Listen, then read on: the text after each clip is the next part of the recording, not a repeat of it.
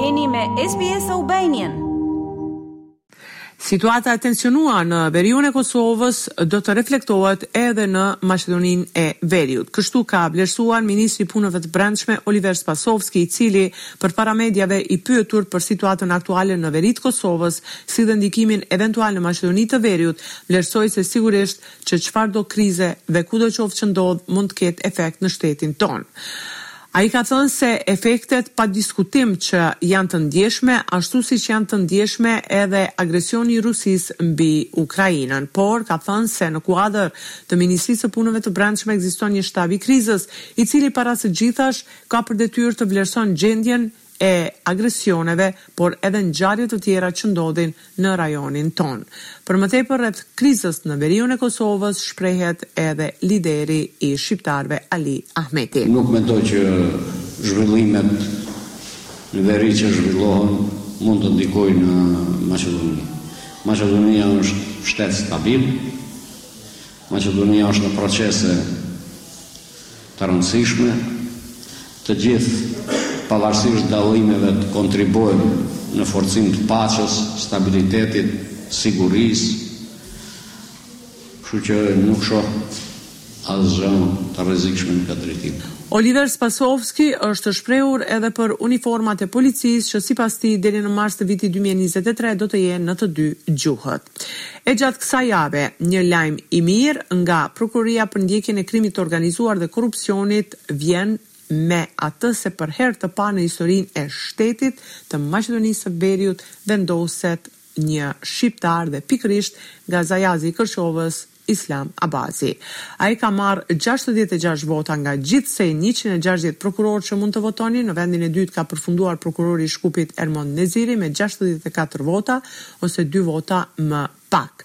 Për dallim nga Neziri dhe Abazi, prokurorja Desa Paunovska dhe prokurorja e lartë e Gostivarit ka patur një numër njëshifror të votave, ndërkaq Vilma Ruskovska, e cila deri më tani ishte në krye të prokurorisë dhe kërkonte mandat të ri, mori vetëm dhjetë vota. Prokurori i Gostivarit, Islam Abazi, është i njohur për publikun, po edhe për mediat. Megjithatë, ka një eksperiencë të gjatë dhe përkundër zgjedhjes krejtësisht të drejtë, e cila për herë të parë u vu si rregull që të votohet nga njëqind e gjashtëdhjetë prokurorët me të drejtë vote, nuk la pa u komentuar dhe pa gjetur Lidhjet e tij me Bashkimin Demokratik për Integrim. E para e Agjencionit për Antikorrupsion, është shprehur me dilema rreth mënyrës së përzgjedhjes, madje ka bërë edhe lidhjet e mundshme me Bashkimin Demokratik për Integrim. Ndjekim deklaratën e saj. Lë hapësirë të besojmë se ka ekzistuar një farë ndikimi. Ne nuk mund të themi në qoftë se dikush ju ka imponuar prokurorëve të votojnë kështu, Megjithatë, në mungesë të kritereve që i përmenda, është e lënë hapësirë të mendojmë për njëfarë ndikimi të mundshëm. Në qoftë se ai është person me integritet, mund të vërtetojë se është personi i cili do të rregullojë këtë prokurori, gjegjësisht duhet t'i japim hapësirë. Megjithatë, fotografia deri tani nuk është e kënaqshme, Ai duhet të harxhojë shumë më shumë energji dhe të vërtetojë se ka integritet dhe ka energji që të luftojë me korrupsionin. Lidhur me ndryshimet e mundshme kushtetuese apo të domosdoshme që duhet të ndodhin në vend, janë hapur edhe dilema rreth rikonstruimit të mundshëm të qeverisë, duke thënë se do të futet në qeveri Aleanca për Shqiptarët, duke u hequr nga qeveria Alternativa e cila aktualisht është me dy deputetë. Këtë e ka mohuar kryeministri i vendit, Dimitar Kovaçevski, i cili thotë se shumica parlamentare është stabile dhe funksionale. Për më tepër, do të ndjekim deklaratën e tij. Denes, liderite na politiçkite partii. Sot në takim nuk u morën vendime në bazë të cilave do të mund të thonim se diçka që ishte propozuar ishte pranuar. Megjithatë, arritja më e madhe ishte të gjithë u ulëm në një tavolinë dhe mund t'i këmbenim, Mendimet dhe qëndrimet e çdo lideri politik në raport me rrugën europiane të shtetit tonë. Gjatë kësaj jave është zhvilluar edhe takimi i liderëve, ku në prezencë të kryeministrit Dimitar Kovaçevski ishin të pranishëm lideri Ali Ahmeti, kryetari i Aleancës për Shqiptarët Arben Taravari si dhe kryetari i opozitës maqedonase, Kristijan Mickovski. Nuk ishin prezent kryetari i Lëvizjes Besa Bilall Kasami si dhe Apasiev nga Levica Maqedonase. Menduh Thaçi i ftuar në emisione debative ka folur më tepër për takimin e liderëve dhe ka theksuar se temën e njëzet përqindëshit e ka hapur lideri Ali Ahmeti. Ai ka thënë se me një korrektësi të shpjegimit dhe bashkëbisedimit është hapur kjo temë dhe Ali Ahmeti ka kërkuar që të ketë një formulim dinjitoz dhe në vend të njëzet përqindëshit të përdoret populli shqiptar dhe gjuha shqipe, sepse njëzet përqindëshi ishte pranuar njëzet vite më parë, me Marrëveshjen e Ohrit për ta përmbyllur sa më shpejt konfliktin. Kështu e kishte shpjeguar kërkesën e tij, Ali Ahmeti në takimin e liderëve me kryeministrin e vendit dhe këtë e shpjegon Menduh Thaçi. Ndërkaq, për më tepër rreth këtij takimi, është shprehur vetë lideri Ahmeti, kryetari Arben Taravari, si dhe Hristijan Mickoski nga VMRO-DPMNE, i cili edhe në këtë rast, nuk ka lënë pa kërkuar zgjedhje të parakohshme parlamentare. Për më tepër do të ndjekim deklaratat e të tre kryetarëve të partive në vend. Është debatuar për të gjitha temat. Sipas vlerësimeve të mia nuk do të thotë që në një takim T'i sheshojmë të gjitha dallimet. Sigurisht që dallime ka patur, por shpresoj që ky takim mos jetë i fundit, por të vazhdohet me takime të tilla deri në afrim të dallimeve që ekzistojnë mes partive politike për të ndërtuar strategji të përbashkët se si ta ndryshojmë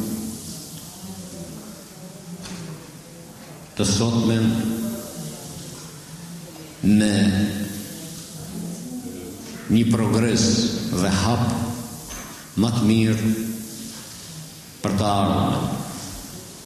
Ne si Aleancë për Shqiptarët e thamë edhe në takim se ndryshimet kushtetuese nuk kanë alternativë, ato duhet të ndodhin, me do e mos për t'i hapur rrugën fillimit të negociatave për anëtarësim me Bashkësinë Evropiane, sepse Nuk ka alternativë tjetër për Maqedoninë. Ndryshimet kushtetuese nuk duhet të shihen si rrezik, por si mundësi për dy arsye. E para, futja në Kushtetutë e bashkësive tjera etnike që jetojnë në vend nuk rrezikon askënd, bile bile për çdo shoqëri dhe për çdo shtet, Në qoftë se futen në preambulën e Kushtetutës edhe bullgarët, po edhe malazezët, edhe kroatët, po edhe torbeshët, nuk, nuk e cenon aspak integritetin e shtetit, përkundrazi them çdo shoqëri dhe çdo shtet është më i pasur në qoftë se ka në vete sa më shumë etni. E kreu i opozitares VMRO-DPMNE, Hristijan Mickoski u shpreh se shumica nuk i ka numrat për ndryshimet kushtetuese. Andaj kërkoi shpërbërjen e Kuvendit. Mnozinstvo to, nema mnozinstvo za ustavni izmeni. Nuk ka shumicë për amandamentet kushtetuese dhe në bazë të këtij konkluzioni, përfundimi logjik i ngjarjeve është shpërbërja e Parlamentit, formimi i qeverisë teknike dhe kalimi në zgjedhje të parakohshme parlamentare. Këtë e kërkuam edhe ne, sot në mbledhjen e sotme pasi u kuptua se nuk kemi një shumicë që do të votonte për ndryshimet e mundshme kushtetuese. E gjatë javës që do të vjen, do të mbahet seancë e përbashkët në mes të Qeverisë së Republikës së Maqedonisë së Veriut dhe Qeverisë së Republikës së Shqipërisë. Këtë e ka bërë të njohur Ministria për Sistem Politik dhe Marrëdhënie në mes të Bashkësive. Takimi do të mbahet më katërmbëdhjetë nëntor dy mijë e njëzet e dy në Shkup, ku të dy shtetet do të koordinohen për shumë projekte të rëndësishme të së ardhmes. Po ashtu, po bëhen të gjitha përgatitjet nga shumica e institucioneve për shënimin e javës së nëntorit që do të ndodh nga njëzet e dy nëntori deri më njëzet e tetë nëntor, respektivisht nga dita e shënimit të alfabetit deri tek përvjetori i shtetit shqiptar apo njëqind e dhjetë vjetori i flamurit kombëtar. Për këto festa, institucione të ndryshme po përgatisin aktivitete solemne të sferës kulturore, arsimore, shkencore e. letrare, me ç'rast të ftuar do të jenë personalitete të shumta nga të gjitha viset shqiptare që do të vizitojnë Shkupin dhe qytetet e tjera të vendit tonë. Për Radion SBS raporton nga Republika e Maqedonisë së Veriut, Besiana Mehmedi. A ju pëlqeu ky reportazh? Për më shumë vizitoni Apple Podcast, Spotify ose faqet e tjera të podcast.